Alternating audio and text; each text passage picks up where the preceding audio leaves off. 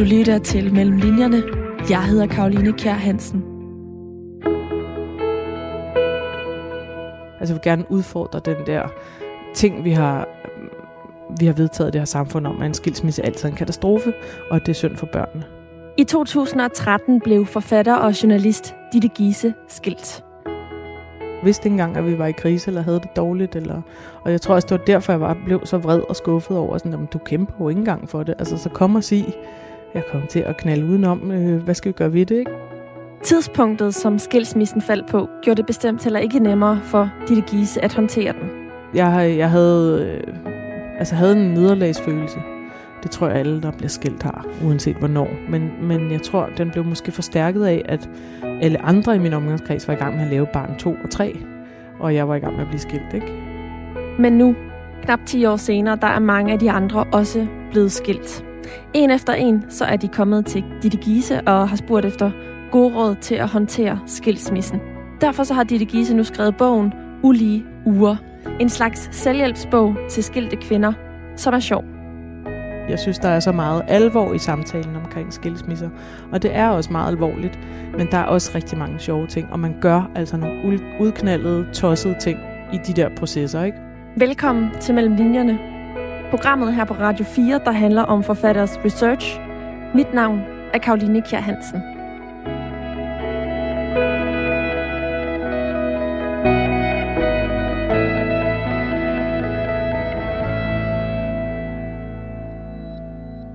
Ditte Giese, hvor øh, meget har skilsmisse fyldt i dit liv?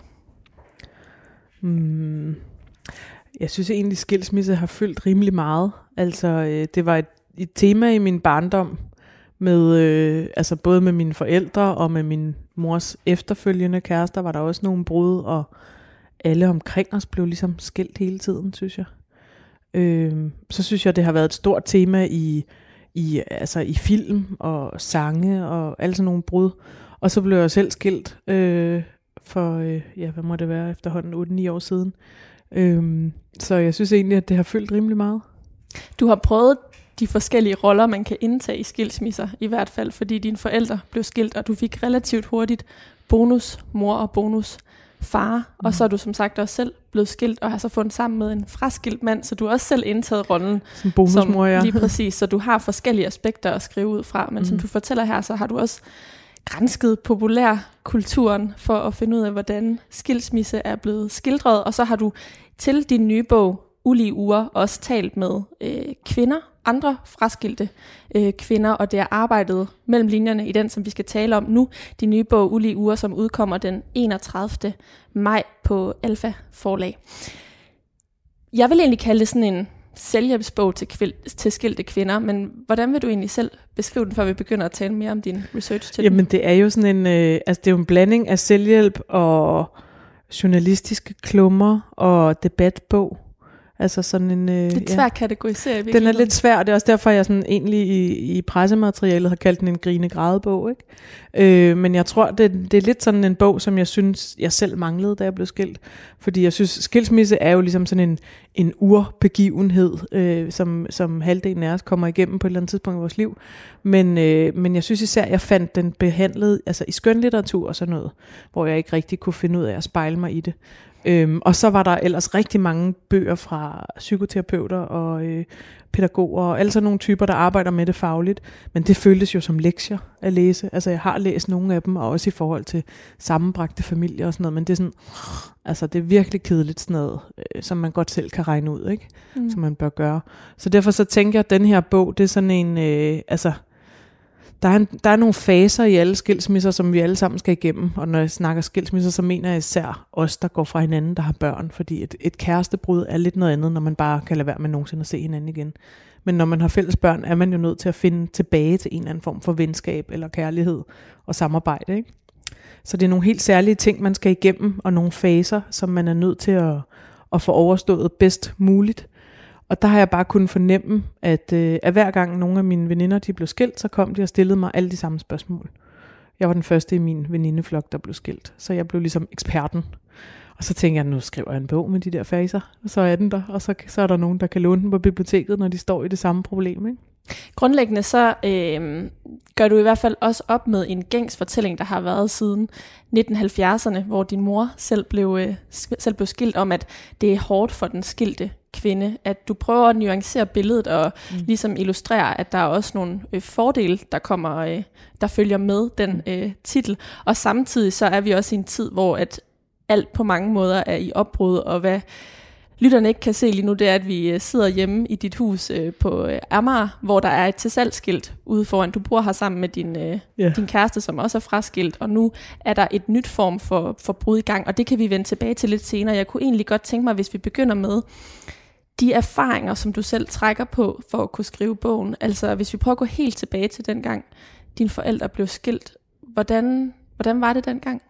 Jamen altså, jeg vil sige, jeg kan faktisk ikke rigtig huske det, fordi jeg var kun to år gammel. Så jeg har jo ingen erindring om dem som par. Jeg kan ikke huske os bo sammen, mig, min store søster, min far og min mor. Men jeg kan huske årene efter, jeg kan huske kulden imellem dem. Altså jeg kan huske, at de var uvenner. Jeg kan huske, at min mor var sur på min, min nye bonusmor. Og jeg kan huske sådan nogle lidt øh, negative og lidt halvundskabsfulde beskeder, der gik frem og tilbage, og ting, jeg hørte. Og det, den følelse af ubehag, den har sådan set fulgt mig hele livet, og det er den, jeg mest forbinder med mine forældres skilsmisse. Fordi jeg kan ikke huske, da det skete, og jeg kan faktisk heller ikke huske, altså vi boede i et kollektiv, og min far flyttede over i et andet kollektiv. Jeg kan slet ikke huske det andet kollektiv. Øh, fordi jeg, du kun boede ved din mor? Nej, jeg tror, jeg, jeg, altså jeg, det er mere, fordi jeg har været lille, tror jeg. Men jeg har hørt historier om sådan noget med, at når jeg blev sur på den ene, så gik jeg over til den anden, og sådan gik hjemmefra, ikke? Mm. Øh, så jeg tror, det jeg forbinder med skilsmisse, det er faktisk den her med at være lidt en lille satellit, der bliver sendt mellem to hjem, der er fjendtlige over for de andre. Ikke? Og hvor man jo så kommer i klemme som barn. Øh, fordi det bør man jo ikke blive involveret i. Og det har hele vejen igennem mit eget været min kæmpe store ambition, at det skulle mit eget barn bare ikke. Og heller ikke selv lige da vi blev skilt, og jeg synes, at hans far var verdens største nar. Det skulle han jo aldrig nogensinde høre, mit barn, fordi han har en vidunderlig far. Altså, han har virkelig en vidunderlig far. Jeg har valgt så rigtigt med den mand. Så derfor så skulle det jo ikke gå ud over barnet og deres øh, meget tætte forhold, at jeg var sur på hans far i en periode. Mm. Det er jo en del år, der går før, at du møder dit øh, barns øh, far. Hvordan, hvordan var det dengang at være øh, et skilt barn i forhold til de andre i klassen, og i forhold til det her med, at du også fik bonusforældre, som jeg sagde tidligere, mm. ret tidligt, altså kort efter deres ja. skilsmisse? Jamen jeg tror egentlig, at øh, øh, jeg tror, at skilsmisse var ikke sådan usædvanligt der i, øh, altså det har været i 80'erne, ikke? Øh, Øh, jeg kan huske, at min mor, hun, øh, hun smed hele kollektivet ud, og så lavede hun et nyt kollektiv i forbindelse med skilsmissen, som kun var kvinder, der var blevet skilt med deres børn. Så der var også en stemning af, at det er også mod de dumme mænd på en eller anden måde. Ikke? Øh, der, var, der var flere i klassen, der var skilt, og jeg, øh, jeg husker øh, som om, at det var ikke en, det var ikke en usædvanlig ting at være. Øh, være fraskilt. Og jeg kan huske, at min, min, øh, min far han fandt sammen med min, med min bonusmor, som han stadigvæk er sammen med. Øh, og at hun var sådan yngre, og det var sådan spændende. At der var sådan en, uh, der er også et eller andet med, at det der med, at man får nogle nye forældre, det var sådan spændende. Hun var stadig studerende, ikke? Jeg tror, hun har været måske øh, 29 eller sådan noget, ikke? Øh, og var sådan ung. Og der var, sådan, der var også nogle gode ting ved det. Altså jeg kan huske det der med ligesom at have to juleaftener og to fødselsdage og komme meget på ferie. Og, altså, jeg husker meget en fornemmelse af, at alle gerne ville være sammen med mig hele tiden. Altså at det, de i virkeligheden kæmpede om, det var at være sammen med mig og min storsøster mest muligt. Og så kan man sige, de var, øhm, altså mine forældre var sådan lidt, altså de var lidt dårlige til at blive skilt, fordi der var ikke øh, så meget tradition for det dengang, så man havde ikke de her ting med, at man kan gå i statsamtet og få hjælp, eller de her deleordninger som sådan nogle øh, løsningsmodeller. Så de tænkte, fordi de begge to var rødstrømper, vi tager et barn hver. Det er ligestilling, vi tager et barn hver. Og det vil man jo aldrig gøre i dag. Men min mor fik den lille, det var mig, og min far fik den store, som var min store søster. Det vil sige, at mig og min store søster blev skilt ad. Så vi blev ikke bare skilt fra den ene forælder, vi blev også skilt fra hinanden. Altså det er sådan en fuldstændig håbløs ting at gøre. Og det er måske der, de har dummet sig allermest. Ikke? Øh, og det ved de også godt selv, og har snakket om meget siden. Ikke? Men man havde ligesom ikke hele det her system omkring, at børnene skal holdes sammen, og så kører man øh, 8-5 eller 7-7 eller et eller andet, ikke? en eller anden model. Øhm, der var de bare sådan, at det skulle være lige for forældrene. vi tager et barn hver, ikke? Øh, det vil alle psykoterapeuter sige, det er fandme en dårlig idé, ikke? Så jeg kendte ikke rigtig min storesøster, altså det meste af min barndom, fordi hun var sådan en, jeg så hver anden tredje weekend, ikke? Det lyder helt vildt. Ja, og jeg kendte heller ikke min far super meget. Altså, han var sådan en, jeg kom på sommerferie med, og så så nogle weekender, ikke? Men det var ikke noget, du sådan stillede spørgsmålstegn ved? Altså, du, du, det var ligesom sådan, det var, og så... Øh, og det accepterede du som barn? Ja, det var sådan, det var. Og så, så kan jeg huske, da vi blev større, der valgte mig og min storesøster at bo hos de modsatte forældre. Det fik vi så også lov til, ikke? Men at altså, min storesøster savnede sin mor helt vildt, og jeg savnede jo en far. Øh, så så flyttede vi ind hos hinandens forældre, væk fra hinanden, og boede også sammen hos forskellige forældre og sådan noget. Ikke? Men altså, jeg tror, min storesøster og jeg, vi har først fået et tæt forhold, da jeg var i 20'erne, ikke? Og, og det var hun så også, hun er fem år ældre. Men der gik meget, meget lang tid, og det tror jeg simpelthen handler om, at vi blev skiltet mm. som børn. Og så sagde du tidligere den her, det her med, at, at du havde den her følelse af, at det skulle du bare aldrig byde dit barn. Og ja. den følelse tror jeg, alle der kender skilsmissebørn, eller i berøring med skilsmissebørn på en eller anden måde, hvad end det er, børn i dag, eller øh, veninder eller venner, øh, som har skilte forældre, kan komme med sådan en udtalelse, at det skal ja. man bare ikke. Nej. Øhm, hvorfor havde du den følelse? Jamen, jeg havde, jeg havde jo den følelse, fordi at vi led under det. Og i virkeligheden led min storesøster nok mest, fordi hun var størst og mest bevidst. Ikke? Og jeg kan også godt huske, at da hun, øh, jeg tror det har været, da hun blev 10 eller sådan noget, at der sagde hun, at det eneste hun ønskede sig, det var en middag med begge hendes forældre og mig. Og det fik hun jo så, og så var det, det var faktisk der, at de begyndte at hele og give slip på deres vrede mod hinanden og blive venner, ikke? og endte med at være rigtig fine venner. Men, men, øh, men den der følelse af at blive sendt frem og tilbage med sådan, åh, det er også bare så typisk din far, og nu må du sige til din mor, hun må tage sig sammen med det og det og sådan. Altså de der beskeder, det, det, øh, det tænkte jeg bare, det skal, det skal mit barn simpelthen være forskånet for. Og da, da jeg selv blev skilt, der var jeg selv altså enormt ked af det og enormt vred. Men jeg, jeg prøvede hele tiden at sørge for, at de der ting, hvis jeg skulle tale med nogen om, at jeg synes, eksmanden var en nar, det skulle være en voksen. Ikke? Og det skulle ikke være, når barnet var der og kunne høre det, fordi jeg ved også, at børn kan jo høre alting, selvom at de sidder inde i det andet værelse, så kan de ligesom, hvad? Hvorfor siger du et eller andet? Ikke? Og det synes jeg bare, han skulle være forskånet for. Også fordi, altså på en eller anden måde havde jeg jo også på fornemmelsen, at det ville være en afgrænset periode af mit liv, hvor vi var uvenner. Der var ikke rigtig nogen grund til at involvere ham i det, vel? Altså, og jeg synes, jeg synes, det er sindssygt synd, når børn bliver involveret for meget i, øh, hvem var utro, eller hvem gik fra hvem, og hvem har flest penge, og alle de der konflikter, man har med, med, med skilsmisser, ikke? Altså at sige noget grimt om den andens nye partner, sådan. Mm. Og hun ligner da også bare en cirkusklovn med alt det makeup eller når har han overhovedet fået hår på pikken, så ung som han er, eller sådan et eller andet. Du ved, sådan nogle ting, man kan, sådan nogle bitre kommentarer, man kan give. Og det skal børnene ikke være involveret i, det synes jeg virkelig ikke. Mm. Og det har også været en del af pointen med den her bog, at ligesom øh, sige, den må man æde selv. Mm. Din, din søn var tre år, da du selv blev skilt, så næsten jævnaldrende med, da dine forældre, ja. øh, som, altså med, med dig, da dine forældre øh, blev skilt. Mm, hvis vi lige prøver, inden vi taler om den del, og, og dvæle ved, hvordan du mødte dit barns far, altså øh, hvordan, hvordan mødte I to hinanden? Vi mødte hinanden på en basketbane ja. på Vesterbro. Øh, jeg havde lavet et baskethold sammen med en veninde, øh, fordi at vi havde spillet basket som unge. Og øh, vi var der sådan, nu så var vi midt i 20'erne, og det kunne være sjovt, og så lavede vi det her baskethold, og så skete der bare det, at øh, mange kvinder er enormt upålidelige, når du skal lave noget som helst sport. Så halvdelen af dem blev jo væk hele tiden. Og langsomt var vi nødt til ligesom at indlemme flere og flere mænd på det der hold. Øhm, og så blev vi sådan et unisex-hold, hvilket faktisk viste sig at være vildt fedt. Og især for mig, som er meget høj, øh, der var lidt mere modstand så, ikke? Og så begyndte vi at spille udendørs, og så en eller anden dag, så kom Michael gående, som min barns far hedder, og spurgte, om han måtte spille med, og det måtte han da godt. Og jeg tror faktisk, jeg blev forelsket i ham lige der. Altså, jeg synes simpelthen, han var den flotteste mand, jeg nogensinde havde set. Og han begyndte så at komme og spille øh, fast på holdet, ikke? Øhm, og så gik der meget lang tid, hvor at vi bare spillede, og når de andre drak vand, så skulle jeg have lipgloss på og sådan noget. Ikke? jeg er ikke sådan en score-type, og det er han sådan set heller ikke, vel? Så der gik meget lang tid, før vi blev kærester. Men så blev vi fantastiske kærester, altså vi var virkelig gode ungdomskærester, og har rejst verden rundt sammen, og flyttet sammen og sådan noget. Og det vi var dårlige til, det var at lave familie. Hvorfor var I det? Jamen jeg tror bare, vi var, øh, vi var forskellige steder med det. Jeg tror, i virkeligheden tror jeg ikke, han var klar til det, og jeg blev ved og ved med at presse på. Det var sådan en meget, altså på en måde var det sådan en meget klassisk mand-kvinde ting, ikke? Det der med, at, at kvinden er klar til børn et par år inden manden, og så bliver vi med ligesom at presse på, til hun får sin vilje. Og da jeg så begyndte at snakke om barn nummer to, så gik han i panik og, og stak af. Ikke? Øhm, så derfor nåede vi kun at få et barn.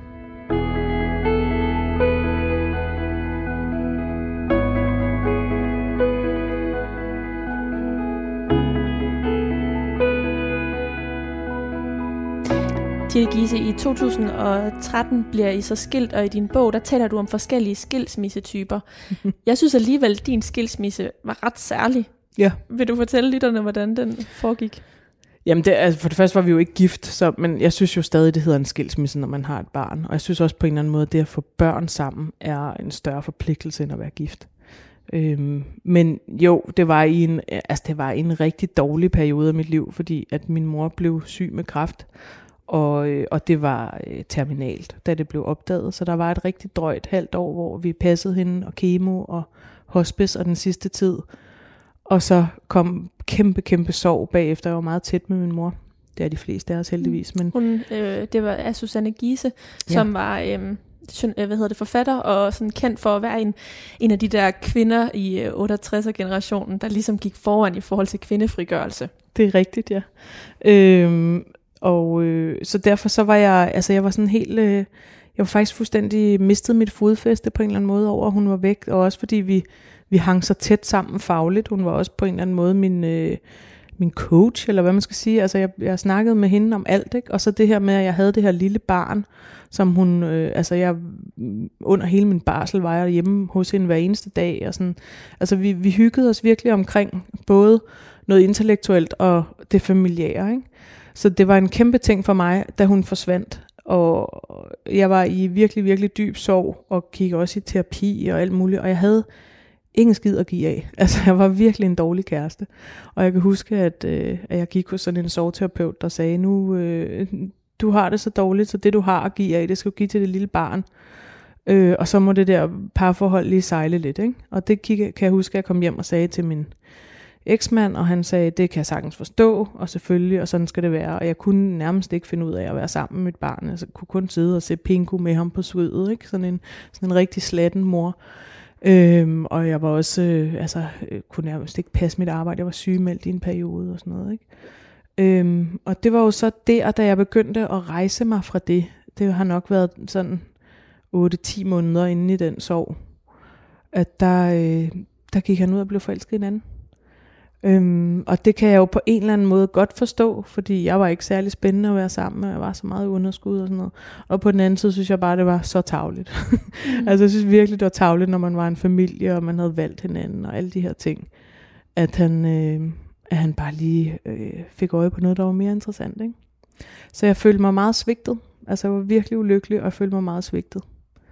Øhm, og, og altså, det kom helt bag på mig, at han kunne altså, du havde, ikke, du havde ikke nogen øh, anelser om det? Ingen overhovedet. Altså, det, var, jeg, det var fra den ene dag til den anden. Jeg vidste ikke engang, at vi var i krise, eller havde det dårligt. Eller, og jeg tror også, det var derfor, jeg var, blev så vred og skuffet over, sådan, at du kæmper jo ikke engang for det. Altså, så kom og sig, jeg kom til at knalde udenom, øh, hvad skal vi gøre ved det, ikke? Eller et eller andet, fordi jeg tror faktisk godt, man kan komme sig over, hvis det bare er lidt utroskab, ikke? Men, øh, men det var et familiebrud, øh, som kom meget pludseligt, ikke? Øhm, og han og, havde ikke selv ordene til at, i hvert fald ikke at udtale. Nej, nej, det havde han ikke. Øhm, og vi prøvede også at gå i noget skilsmisseterapi for at få noget øh, hjælp, men det hjalp heller ikke rigtigt. Mm. Så i virkeligheden så blev det bare sådan, altså forknyt og vredt, kan man sige, vores skilsmisse. Ikke? Mm. Og man kan sige sådan, altså alle skilsmisser er jo forskellige, Øh, så derfor så er det også, det, når jeg optegner nogle forskellige scenarier i bogen, så er det jo også sådan, altså lidt for at grine af det, fordi der er også der er enormt mange sådan tragikomiske ting i, øh, i skilsmisser, og man kan også sige, manden, der lige er blevet 40 og, øh, og øh, er i skilsmisse, eller hvad hedder det, i midlife crisis, og så går ud og forelsker sig en anden, det er også bare sådan et meget klassisk scenarie. Ikke? Det kunne også være kvinden, det er ikke fordi, jeg skal sidde og sige, at mænd gør det mere end kvinder, vel? Men altså, det er sådan en, det er en klassisk, det er en ret klassisk ting. Altså det eneste, der var uklassisk ved det, det var, at det kom oven i noget sorg. Ikke? Men mm. det kom jo for mig til at være altså to-tre år med virkelig underskud øh, og møje, ikke? Og, og meget øjenbetændelse af at tude hele tiden. Mm. I øh, din nye bog, Ulige Uger, der skriver du, at han slet og ret seddel og øh, tog sine ting. Var det virkelig sådan, det foregik? Ja, altså det var det faktisk. det lyder virkelig grimt, når jeg siger det. Men altså, det, der, jo, der var jo forskellige skridt op til og sådan noget, ikke? Men, men jeg var bare ikke med, øh, og jeg tror, han var meget langt i den skilsmisse, uden han havde involveret mig i den. Og det var derfor, det kunne gå så hurtigt, ikke? Så vi var slet ikke det samme sted, og øh, så derfor var det også altså det var chokerende for mig, at han bare kunne flytte fra mig og direkte sammen med en anden kvinde, ikke? Mm. Når jeg var sådan, jamen altså, vi er jo stadig i gang med at stifte familie, ikke? Altså jeg var sådan helt et andet sted, ikke? Og et helt andet sted også bevidsthedsmæssigt i forhold til en øh, soveproces, vel? Ja, ja, ja, og så var jeg også, øh, altså jeg tror også, det var derfor, det, det tog mig enormt længe at være sammen med en ny mand, fordi jeg simpelthen var, øh, altså jeg blev ved med at være sådan underlig håbefuld og monogam omkring det, og tænke sådan, om det måske er noget, vi bare en dag taler om, som en lille krise eller sådan noget, ikke? Fordi det ved jeg jo også, jeg kender også par, der har været væk fra hinanden i nogle år og finder sammen igen, eller så kom der en forelskelse ind for højre, og så kom de så over det, ikke? Så jeg havde enormt meget øh, sådan, altså jeg var både ked af det, men jeg var også håbefuld omkring, måske kan vi finde sammen igen, ikke? Du siger selv, at det, du var enormt vred, og det var sådan forknyt, og nu har du tidligere fortalt, at øh, det var lidt det, du oplevede øh, i kollektivet, som din mor boede i, hvor hun mm. allierede sig med andre skilte ja. øh, kvinder. Øh, hvilke dele af din oplevelse øh, er ligesom mere almen altså gængs, når man bliver, øh, bliver skilt? Hvad for nogle følelser er det, som de fleste vil opleve efter et brud? Jamen, den er jo, den er jo helt klart delt i øh, dem, der går, og dem, der bliver gået fra. Og det, jeg vil sige, det er to meget forskellige skilsmissescenarier. Ikke? Øh, og øh, de fleste kvinder er vist statistisk set dem, der går. Øh, og så kan man sige, at så, så er der også det i en skilsmisse, er der en ny partner eller ej? det bliver tit rigtig grimt, når der er en ny partner, ikke? fordi så øh, kommer der så meget jalousi og vrede hvor at den, den mindelige, venskabelige skilsmisse, som, som vi alle sammen på en eller anden måde drømmer om, den er lidt mere, lidt mere sjælden, ikke? Øh, men jeg kan huske den der vrede vendt mod mænd fra min barndoms kvindekollektiv, og at den på en eller anden måde, kunne jeg godt mærke, at den kom op i mig, sådan, alle mænd er svin, ikke? Det er faktisk den, der ligesom ligger der fra de der barndomsår, hvor jeg bare sådan, altså kunne mærke sådan, jamen det er alle mænd jo ikke. Altså, der, jeg har bedste venner, der er mænd, jeg har, jeg har en bror, jeg har øh, fædre, jeg har et barn, der er et drengebarn, altså jeg elsker mænd, du ved, så jeg bare sådan tænkte, det her, det skal ikke, øh, altså det skal ikke ødelægge min, øh, min begejstring for mænd, jeg har altid været totalt boy crazy, ikke? Øh, og det skal ikke ødelægge øh, min fremtidige kærlighedsliv, og det her, den her vrede skal ikke æde mig op, altså den skal ligesom ud, væk med den. Ikke? Altså selvfølgelig må man godt dvæle med at være ked af det og vred og sådan noget, men man skal fandme også komme sig over det. Ikke? Mm. Men før du kom til den erkendelse, hvordan kom vreden så til udtryk? Altså hvad, hvad gjorde du helt konkret i den her situation? Jamen jeg, gjorde, altså jeg gik til alle alternative behandlere, som man kan forestille sig. Ikke? Øh, alle mulige med håndspålæggelser og hekseri og sådan noget. Ikke? Så gik jeg til, øh, til kampsport på alle mulige måder, altså sådan noget crossfit gik jeg til, og jeg gik også til boksning, altså sådan noget, og så var det meget noget med at trampe meget vredt i pedalerne igennem København på min cykel, ikke? Øh, og så lavede jeg sådan en, øh, altså sådan nærmest en turnusordning med mine venner med at ringe og, og få sprutten min vrede ud på skift, fordi ingen af dem kunne jo holde ud og høre på mig hele tiden. Altså der var sådan noget med, at man bliver ekstremt selvoptaget, når man er i skilsmisse. Man synes, det er det vigtigste i hele verden, og i det store perspektiv er det jo overhovedet ikke vigtigt. Men altså, det fylder ligesom hele ens liv, og der er man nødt til at ligesom flade det ud på nogle, altså på skiftende søskende og venner og kollegaer, fordi ellers så, øh, altså, så tager man simpelthen livet af de venskaber, ikke? Med, med al ens galle der, ikke? øh, så, så det var meget sådan noget med at ringe på skift til folk, ikke? og, og lade det gå ud over en ny hver aften, ikke? og drikke vin med veninder, og få dem til at sige, at det er også for dårligt, og hold kæft, han er også tavlig, og sådan, altså, at have nogen, der var på min side. Ikke? Du fik drukket rigtig meget vin i den her periode. Du skriver selv ja. i bogen, at du overvejede at kalde det Chablis-kuren. ja, Chablis-kuren Eller, ja, overvejede altså, jeg længe, om den skulle hedde. Lige præcis.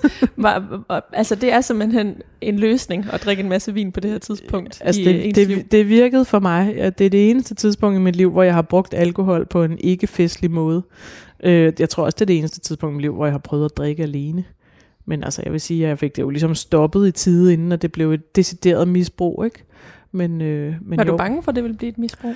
Nej, det var jeg sådan set ikke. Altså, fordi jeg tror slet ikke, jeg har misbrug i mig sådan på den måde. Øh, men, men jeg har aldrig drukket særlig meget, og der drak jeg virkelig meget. Ikke? Øh, men det var også bare sådan en måde at dulme det hele på. Altså når du har så mange følelser, og dit hjerte bare gungrer dig ud af, og du kan næsten ikke sove om natten, fordi du ligger og har alle mulige scenarier inde i hovedet og sådan noget. Ikke? Så er det også en måde at dulme det hele på. Jeg tænker, at det også er det ryger oplever, eller folk, der der tager lidt øh, øh, cannabis-dråber, øh, eller et eller andet, hvad det nu kunne være. Ikke? Altså, vi bruger alle sammen noget forskelligt til at dulme mm. vores følelsesliv på, og lige her, der var der, der var tryk på kedlerne. Ikke? Mm.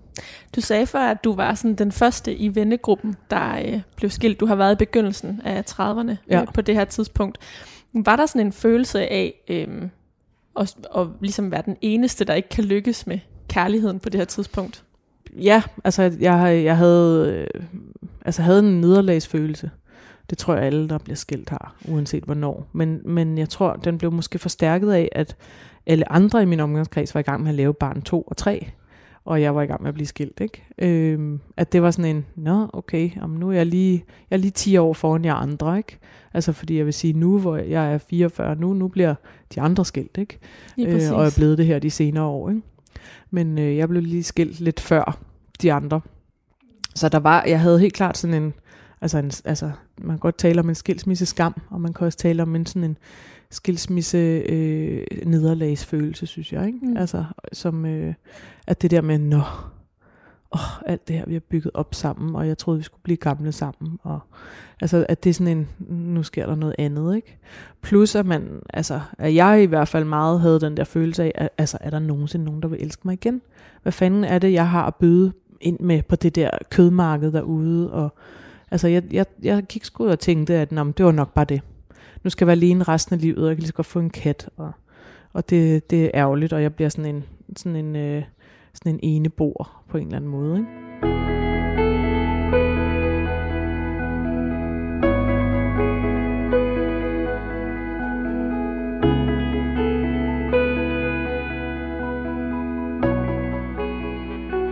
På et tidspunkt, så øh, er der alligevel nogle veninder, som, øh, som ikke er i de der øh, familiebegyndelser, øh, ja. som får dig med ud i, øh, i byen, og mm. du er sammen med en 12 år yngre fyr, Ja. For, altså den første, du har, ja. du har sex med ja. efter skilsmissen. Ja. Og det løsner noget, skriver du. Ja. Altså det gør en forskel. Jamen det er en hvorfor, god kur, Hvorfor gør det det? Jamen, det er jo sådan en gammel kendt øh, råd, at øh, den bedste måde at komme sig over en mand er at komme under en anden, ikke? Eller en kvinde. Det er lige meget med kønnet, ikke? Mm. Men, men, øh, men jo, altså, det var jo noget, folk sagde til mig hele tiden. Skal du ikke ud og have en spændende trekant, og skal du ikke på Tinder, skal du ikke... Altså, det er sådan noget, man siger til folk, der er blevet skilt. Og jeg var der slet ikke. Altså, det tog rigtig lang tid, før jeg var der, ikke? Og jeg troede, tror faktisk ikke rigtigt, at jeg nåede at opdage, at jeg var der, men så kom ham her ligesom selv og bød sig til og hvor jeg var sådan, jamen altså flørter han med mig, den her unge, smukke mand, og jeg kunne ikke rigtig sådan helt afkode det, men det, det gjorde han jo så, ikke? Og, øh, og, og det var en, øh, altså det var ligesom på en eller anden måde sådan et ritual, eller en overgangsrite, eller en, sådan en, altså at, at når så var jeg i gang igen, ikke? Altså, og, jeg, og jeg fandt ud af, at jeg gik ikke i stykker, og min krop virker stadig, og jeg begyndte ikke at græde, og vi kunne godt grine lidt af at fumle rundt og sådan noget. Ikke? Så det er, også en, det er selvfølgelig også en vigtig ting at få gjort efter sin skilsmisse, at ligesom gå i gang med den del af ens liv igen. Mm. Selvfølgelig først, når man selv er klar til det. Ikke? Og der, altså, jeg har mange veninder, der var klar dagen efter, øh, de blev skilt, ikke? og så er der sådan nogen som mig, hvor det lige tager et år eller et eller andet. Ikke? Men jeg mm. tror, uanset hvornår man er klar, så kan den der følelse af at være ny på datingmarkedet, fordi det i de fleste tilfælde vil være lang tid siden, mm. man har været sammen med andre, eller har skulle være ude og afkode forskellige kropssprog eksempelvis. Øhm, den tror jeg stadig vil være ny, uagtet mm. om man er klar. Eller ja. ej, vil du prøve at fortælle lidt mere om, hvordan du, du oplevede det der med at være, være ny på datingmarkedet, mm. og ikke være desperat, men heller ikke sådan helt have fodfæste i det. Ja, jamen altså det er jo faktisk derfor, jeg skriver en del om dating i, i bogen, ikke? fordi man, man er jo ligesom, øh, altså der er det der, på et tidspunkt kommer noget med sådan, nå, nu skal der ske noget nyt, ikke? Og for mit vedkommende, der havde jeg aldrig prøvet digital dating før. Det var jo ligesom noget, der var kommet imens, at jeg havde været meget monogam. Der har selvfølgelig været et eller andet dating.dk og skor.dk dengang, men i mellemtiden var der jo kommet Happen og Tinder og alle de her øh, apps, ikke? Øhm, og, og, og det tog lang tid, før jeg turde kaste mig ud i det. Men det er jo en, en anden måde at møde nogen på, fordi der er også det der med, hvis du sidder alene med et, to, tre øh, børn, hvor fanden skal du møde nogen hen? Ikke? Altså du, du afleverer et barn, nogle børn i institution eller skole, og du går på arbejde, og så køber du ind og henter børn og hjem og laver mad og i seng hvornår på den dag er det, du skal møde nogen. Ikke? Og der er de der apps bare sådan ret praktiske, fordi du kan sidde og swipe, når børnene sover. Ikke? og så er det også meget praktisk at have, at have deleordninger, det er øh, det. og have, have barnet kun i de ulige uger, ja. så de kan være de uartige uger, ja. som du også øh, ja. døber dem sammen med dine ja, venner. Ja. Og du skriver faktisk, at det er en god idé, det her med at øh, ligesom øh, koordinere med de andre fraskilte, at man har ikke børn i ja. samme uge. Sådan ja, det er vigtigt man, øh, at lave sig sin klub, ikke? Ja. Øh, og det er noget af det første, det er, når hver gang en ny veninde bliver skilt, så skal du virkelig sådan, hey, du skal have, øh, altså hos mig hedder det ulige uger, at der har vi ikke børn, ikke? fordi de, de er uartige uger. Og det er, den, det er den regel, jeg siger videre til alle veninder, og der bliver skilt, sådan så, fordi ellers kommer vi jo ikke til at se hinanden. Altså det er også sådan noget med, om, altså så, så laver vi jo noget med nogle andre, ikke? Så altså, der er også enormt meget praktik i det, og der er faktisk også mange fraskilte forældre, som på øh, Tinder skriver, hvilke uger har de børn. Ikke? Så kan man ligesom sige, nej, det dur ikke, øh, farvel og tak. Ikke? ligesom, fordi du kan nærmest lige så godt lade være, altså du kommer aldrig til at se ham eller hende, mm. hvis I har modsatte uger. Ikke? Det hænger jo også sammen med, at man er så meget sammen med sit barn i den uge, hvor mm. man så har det. Ja. Hvordan var hele den proces, altså netop når du nu havde den her stærke følelse som barn af, at du skulle aldrig udsætte dit eget barn for, for det, du prøvede øh, at være igennem med skilte forældre. Mm. Hvordan, øh, hvordan håndterede du at skulle så faktisk udsætte dit barn for det? Jamen, jeg tror aldrig, altså jeg har aldrig haft en følelse om, at jeg ikke skulle udsætte mit barn for skilsmisse. Altså jeg har, det har altid været en del af, at jeg tænkte, det kan ske. Og, og jeg kan faktisk huske allerede inden, at jeg blev gravid med mit barns far, at jeg tænkte, hvis vi en dag går fra hinanden, og vi har et, to eller tre børn, eller meget nu bliver til, så vil han altid være en fin fyr. Og det har han også været. Altså, der er også, der er, altså på den måde har jeg også været sådan rimelig realistisk, ikke? Altså, når livet er langt, og der kan ske mange ting, ikke? Øh, det, det var mere den her med, at jeg vil ikke, øh, ud, altså, jeg vil ikke udsætte ham for forældre i konflikt.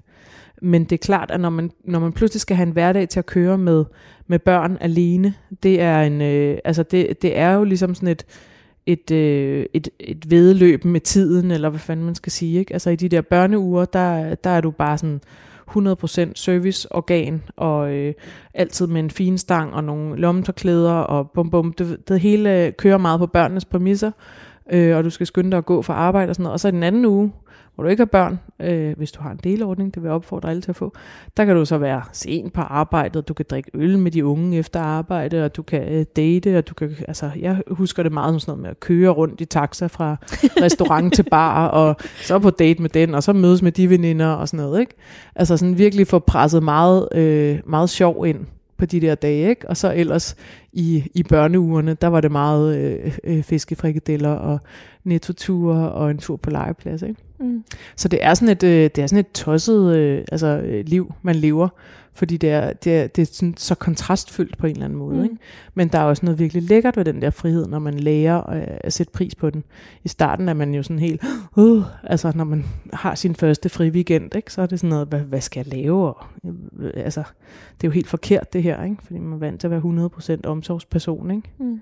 Men selvom man sætter pris på friheden, så kan man jo godt stadig samtidig have dårlig samvittighed over for sit barn, fordi man kun er sammen med det hver anden uge, og når man så er sammen med det i den uge, man har, så kan det være, at man skal et eller andet vigtigt møde på arbejde eller sådan noget. Så den der dårlige samvittighed bliver jo ikke nødvendigvis elimineret af, at man værdsætter øh, friheden. Hvordan har Nej. du håndteret den dårlige samvittighed? Øh, jamen, jeg tror, jeg har håndteret den sådan meget rationelt med at, altså, at tænke det, når altså, jeg har et robust barn, og jeg opdrager et robust barn, og han må godt vide, at der er andre ting, der er vigtige end ham. Altså jeg synes også, det er enormt farligt, hvis man lærer ens barn, at det er verdens centrum, ikke?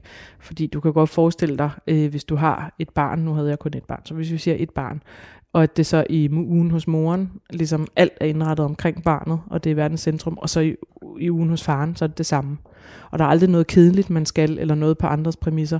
Øh, og, og rengøring sker sådan magisk, mens barnet ikke er der, og tøjvask sker magisk, og øh, køleskabet er fyldt, og alt er ligesom arrangeret. Det synes jeg heller ikke er en sund måde at være skilsmisse familie på, eller forældre på. Så mm. altså, jeg har altid inddraget mit barn rimelig meget, og mm.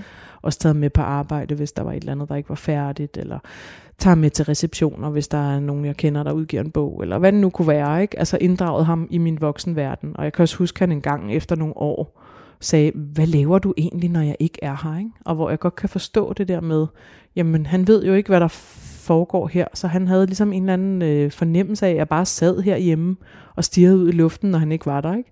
Hvor jeg så altså, tænkte, det er da rigtigt, han skal da høre noget mere om, hvad jeg laver alene. Og så forklarede jeg ham jo om alt det, jeg lavede, alle de venner, jeg havde. Og jamen, så var jeg sammen med morfar, og så gik jeg ud og spise med den og den veninde, og alt sådan noget. Sådan så han ikke sådan tror, at han er det eneste, jeg lever for. Altså det, det tror jeg ikke er en særlig øh, sund øh, ting at fornemme som barn. Nej, og barnet kan jo også få dårlig samvittighed over ikke at være sammen med, ja. med den anden forældre, når ja. det, man er hos enten moren eller, øh, eller faren. Så det kan nok også næsten være en tryghed at vide, at den anden forælder har en masse at, øh, at ja. tage sig til. Men du gør i hvert fald meget ud af at skrive i bogen, at, at, at det er bedre at have en ordentlig skilsmisse, end at blive sammen for børnenes skyld, og at børnene ikke nødvendigvis kommer til at lide voldsomt under en skilsmisse, fordi det afhænger af, hvordan man håndterer den. Ja, og det er jo der, hvor min bog også er en debatbog.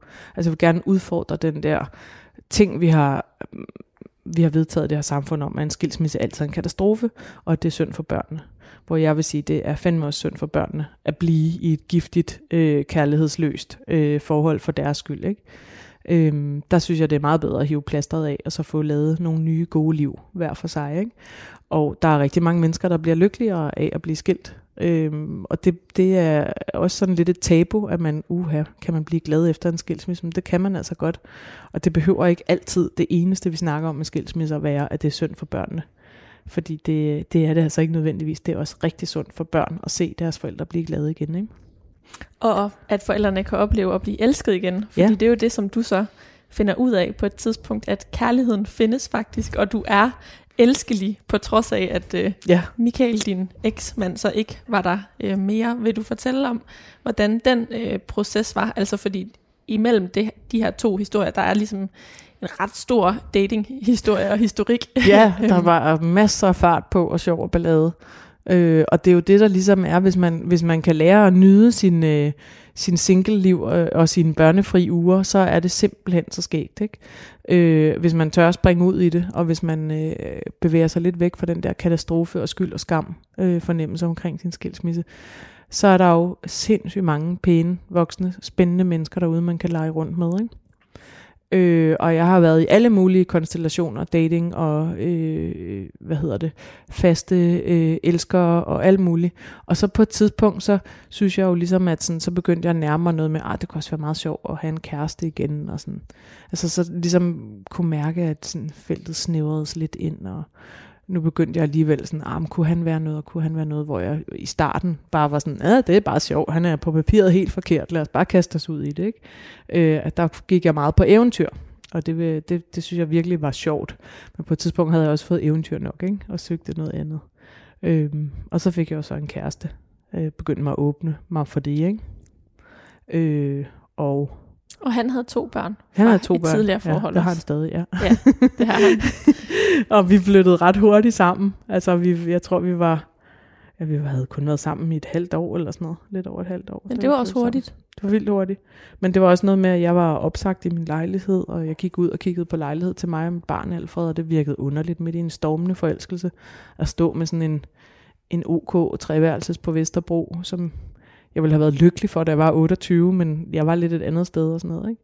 Så vi kastede os ud i det der kæmpe store sammenbragt familieprojekt, øh, og kunne lige med nød og næppe komme ind på boligmarkedet og købe en villa lejlighed. Ikke? Som vi sidder i lige nu ja. Amager. Ja, og vi kunne lige få plads til børnene ved de små delte værelse, og teenageren i kælderen, og også i kælderen og sådan. Så vi kunne lige være her alle sammen, ikke? Men ligesom at du, man kan sige, debatterer for, at skilsmisse ikke er verdens undergang, øhm, så er der også en snært af øhm, holdning til, at det der med at flytte sammen, eller at bringe familier sammen, øh, kan være problematisk, og det skal man virkelig overveje. Ja. Øhm, hvorfor øh, er det den holdning, du har? Jamen, øh, altså jeg har jo været ramt af, hvor svært det har været. Øh, og og der er jo et eller andet med, at når man bliver forelsket som voksne mennesker, så tænker man, så kommer børnene også til at elske hinanden, og os, og altså kærligheden er nok. Ikke? Og det er det bare ikke altid, når, når der kommer børn fra forskellige skilsmisse, øh, og man er måske ikke lige lang tid siden, man er blevet skilt, og alle er ikke sådan helet på samme måde. Ikke? Øh, så det, er, det er altid værd at, at overveje, om man, øh, om man egentlig ikke bare kunne bo hver for sig og være kærester. Ikke? Øh, synes jeg, det er min holdning, men det er også fordi, jeg ligesom, altså jeg er også bakket op af statistikken, der siger, at jeg tror det er 80% af sammenbragte familier flytter fra hinanden igen, ikke? Og overalt omkring mig er jeg omgivet af folk, der har prøvet en sammenbragt familie og er gået fuldstændig på røven med det, ikke? Øh, og derfor ser jeg flere og flere, der prøver at være kærester, og så vil vente med at flytte sammen til børnene er flyttet hjemmefra, eller måske slet ikke skal flytte sammen. Og det er det der, der hedder et cola-forhold, ikke? Mm. Couples living apart. Ja, couple living apart, ikke? Mm. Øhm, og det er jo sådan, det er selvfølgelig også en, en velstandsting, fordi vi har råd til det i dag, ikke? Men, øh, men det kommer meget an på, ligesom, hvordan har ens børn det, og hvordan er, en, altså, er ens skilsmisse nået at blive fredelig, og sådan, og, og altså, da, da vi gik i gang med det her, der var min eksmand blevet min rigtig gode ven, øh, og det er han stadig, og vi spiste meget sammen, og vi har også holdt jul sammen en del gange og alt sådan noget.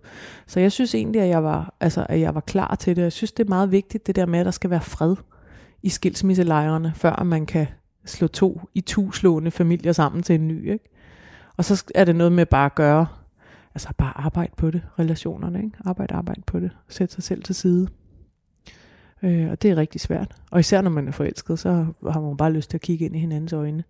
Og tage på en øh, solskinsferie alene til Grækenland og sådan noget. Ikke? Mm. Så der står lige nogle børn altid, der er sådan lidt, mm, det er sgu ikke dem, der har valgt det, vel? Var det mm. fordi, at du var nødt til at sætte dig selv til side og ligesom øh, prøve at skabe dig dit eget space, øh, at du begyndte at skrive bogen her, Uli Uger, eller hvad var det ligesom, der, der gjorde, at du blev øh, suget til testerne på et tidspunkt i den her proces? Jeg tror, at jeg, øh, altså for, øh, for 5, 6, nej, det må have været mere, for syv år siden, eller 6-7 år siden, der lavede jeg en artikelserie i Politiken, hvor jeg arbejdede på det tidspunkt, om øh, digital dating øh, som var i den periode, hvor jeg også datede meget selv. Og der, der tænkte jeg bare sådan, åh, der er godt stof i det her voksen dating marked, fordi det er på en eller anden måde noget helt andet, når man øh, er sammen med nogen, som man er ung. Ikke? Altså det der med, at vi alle sammen bare kommer med alle vores knuste hjerter og ar og sorg og, øh, og traumer. Ikke? Og skal vi på en eller anden måde prøve at se, om vi kan stole på det hele, kan starte forfra. Ikke? Øh, så der tænkte jeg sådan, der er noget godt i det her. Og så kan jeg huske, at jeg for tre år siden, så begyndte jeg at sidde og skrive noget på den, den her bog, og så har den ligesom været lagt væk mange gange, og sådan, nej, nu, nu, nu, det var ikke noget alligevel. Og så har jeg fundet den frem igen, og sådan udgivet en bog i mellemtiden. Ikke? Men jeg er blevet ved med at finde frem til det der med, og det, det har meget været i forbindelse med, hver gang der er en veninde, der var skilt, og hun kom og sagde, jamen er der nogen, der vil elske mig igen, og hvor kan jeg møde en mand, og øh, hvad skal jeg stille op med den her vrede? Og, altså det er de samme spørgsmål, alle er kommet med, hvor jeg tænker sådan, ej, der er brug for den her bog. Altså, der er brug for en bog, som skal føles som et klap på skulderen, og som man kan give til sin veninde eller søster, der lige er blevet skilt. Ikke? Mm. Sådan så, at de kan føle sig underholdt og oplyst og spejlet. Ikke? Mm. Det er virkelig det, det handler om. Men det er jo også en meget personlig bog. Altså nu, øh, nu nævner du selv politikken, hvor de fleste vil kende dig øh, fra som mm. øh, kulturjournalist. Nu er du ved Heartbeats, netmediet Heartbeats. Du har skrevet to andre bøger. Øh, den første er 90'er-bogen, Fortællinger fra det sjove, og 10 og så senest øh, breve, til, breve til livet, som du skrev sammen med Anne-Sophie Alab. Mm. Øhm, men den her altså, jeg synes, den er meget, meget personlig, og det vidner vores samtale nu her jo, jo ja. også om, ja. øh, fordi mange af de her fortællinger er skrevet i, i bogen her. Hvordan har det været at skrive en bog, der har været så øh, Jamen, jeg synes personlig? jo egentlig ikke, altså, på en eller anden måde, så synes jeg jo ikke, det er så farligt at skrive noget, der er personligt. Og den er jo heller ikke en bog om min skilsmisse, fordi min skilsmisse, så spændende er den ikke. Altså de her ting, vi sidder og snakker om nu, det bliver jo bare nævnt i små, korte, lidt nøgterne øh, brudstykker rundt omkring. Og det er også derfor, jeg har hele det der kor af kvinder, der fortæller om deres skilsmisser, fordi jeg gerne vil have, at der skulle være så mange, man kunne spejle sig i som muligt, med alle de her forskellige scenarier og veje, som det kan gå. Ikke? Øh, så jeg, jeg har ikke, altså selvfølgelig har jeg tænkt på, at jeg skulle skrive pænt om min eksmand, fordi vi er rigtig gode venner. Øh, og jeg, jeg skulle skrive pænt om min nuværende kæreste, fordi vi elsker hinanden og, og håber, at vi skal blive ved med at være kærester, selvom vi ikke skal bo sammen. Øh, så, så der er selvfølgelig nogle hensyn, man skal tage, men samtidig så ved jeg også, der vil være nogen, der bliver sure. Der vil være nogen, der synes, det her er en provokerende bog. Jeg, jeg tænker, at, øh, at hvis de sender den til sådan nogle øh, borgerlige øh, debattørtyper, så vil de blive vrede over den, ikke? fordi den, den, den er ikke i tråd med deres verdenssyn, som er, at det er far, mor og børn, og kernefamilien er det vigtigste, og de vil synes, det er selvoptaget at sige, at man godt kan blive glad igen efter en skilsmisse. Ikke? Men den er også meget humoristisk og satirisk skrevet, og du sætter tingene på spidsen, så mm. jeg tog i hvert fald mig selv i at, at grine flere gange Nå, det er jeg glad for. det er jeg glad for. Men det var også sådan, jeg håbede, at den skulle være, fordi jeg synes, der er så meget alvor i samtalen omkring skilsmisser, og det er også meget alvorligt, men der er også rigtig mange sjove ting, og man gør altså nogle udknaldede, tossede ting i de der processer, ikke? Også når man dater, og også når man går fra hinanden, og man, man prøver at gøre den anden jaloux, eller hvad det nu kan være, sådan nogle ting, ikke? Eller om man kigger på ens eksmand og er sådan, nej, behøver du at begynde at gå med Remy hat og få røde sko, ikke? Altså, hvor er du pinlig. Du ved, sådan nogle ting der. Så man falder i de der faldgrupper ja, og, og bliver ja, ja. nogle karikaturer. Og man bliver den rasende, den rasende kvinde og manden i midlife life crisis, ikke? Mm. Øhm, og det, det er nogle sjove karikaturer at gøre lidt grin med også. Ikke? Mm. Og jeg synes jo bare, altså det, sådan er det med næsten alt, hvad jeg laver, at hvis vi kan grine lidt af det, så bliver det lidt nemmere. Ikke? Mm. Selvom at det er en af livets helt store kriser, det her med, med skilsmisser. Ikke?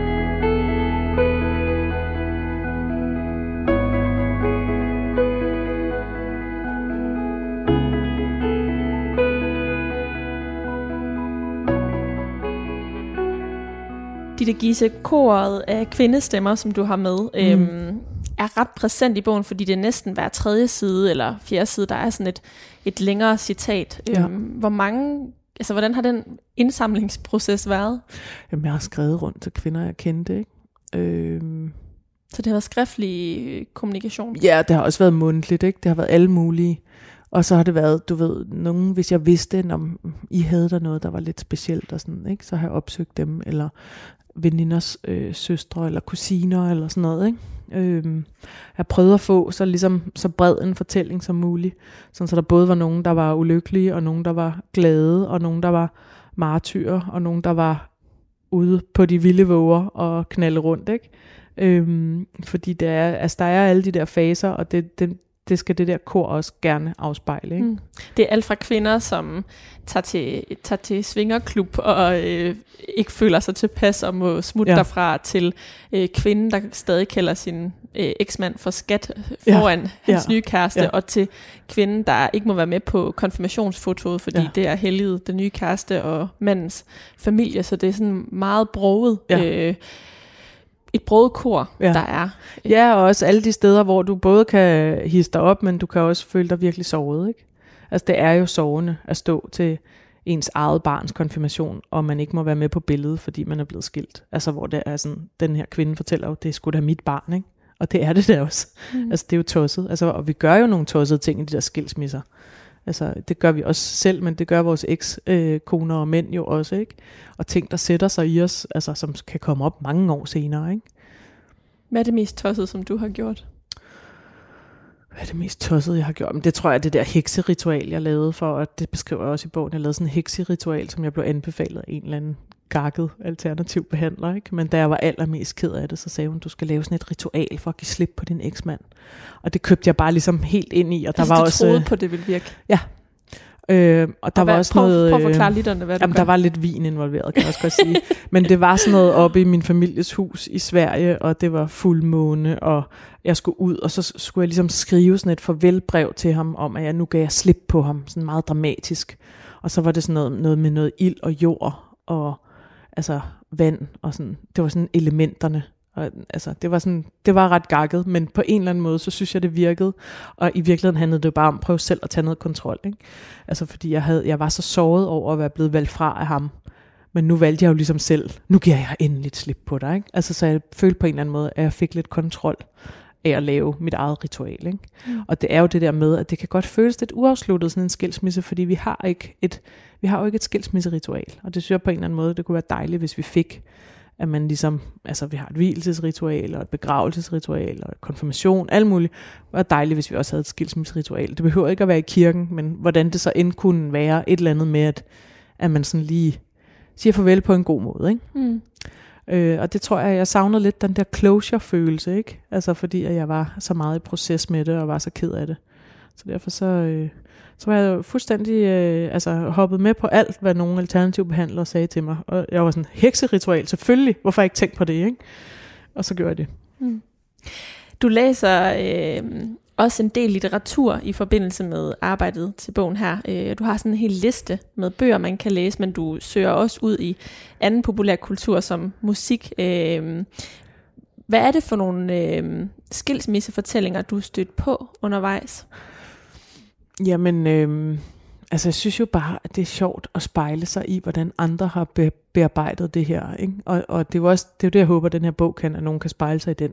Men der er jo også bøger og film og sange, som jeg har spejlet mig i, fordi brudet, kæreste, kærlighedsbrudet, familiebrudet er en stor del af vores kulturfortælling. Ikke?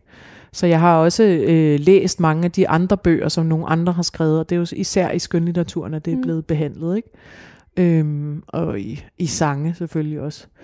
Men øh, altså, jeg har været utroligt underholdt af, hvis man kan lide den der humoristiske tilgang til skilsmisse, så Katrine Grønfeldt har skrevet en bog, der hedder Værelse samlet af kvinder, som er en af de sjoveste bøger, jeg nogensinde har læst, hvor hun bare tager så meget pis på hele hendes skilsmisseproces, øh, øh ikke?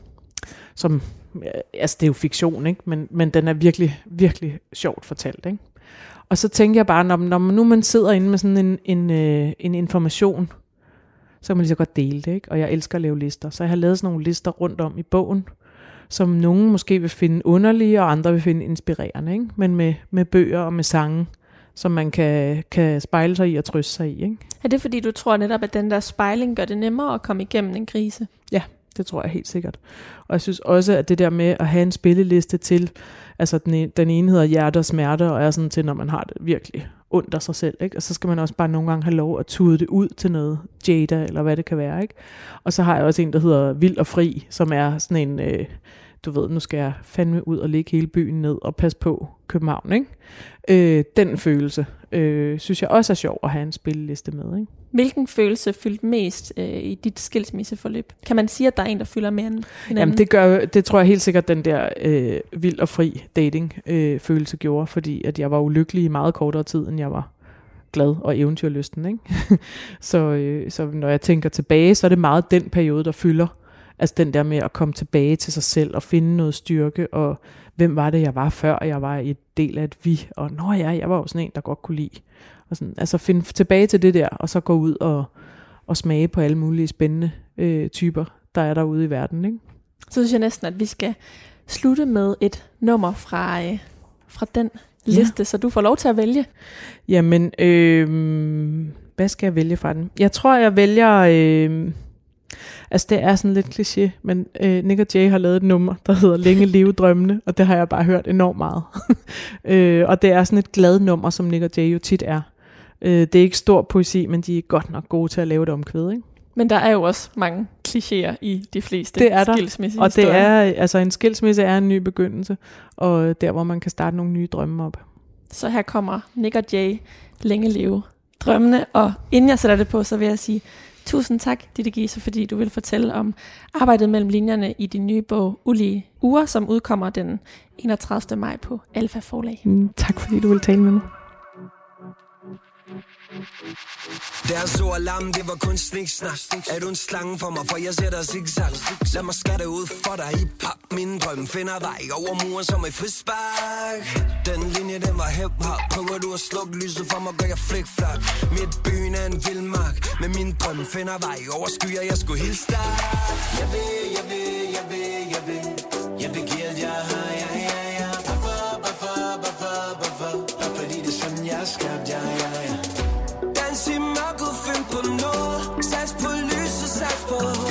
Hvor svært er det at forstå? Ræk ud, mirakler kan vi nå. Længe liv drømmene.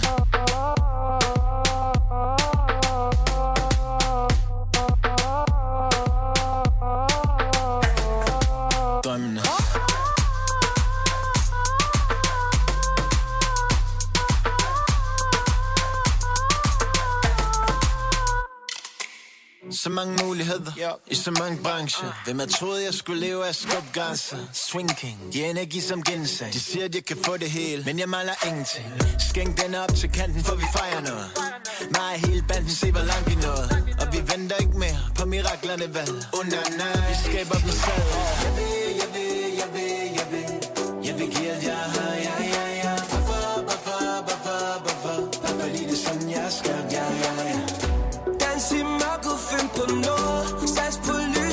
på Hvor svært er det at forstå? Ræk ud, mirakler kan vi nå. Længe liv drømmene.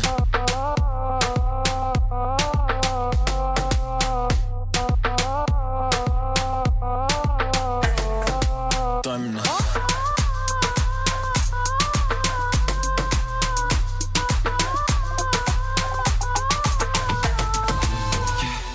Dans i mørket, find på noget. Ja, ja, ja, Find ind i rytmen, find ind i flowet Ja, ja, ja, ja Hvornår gjorde du sidst noget for første gang? Ja, ja, ja, ja. Hvad den der troede på det aldrig, aldrig var Ja, ja, ja, ja. Længe liv drømmene Drømmene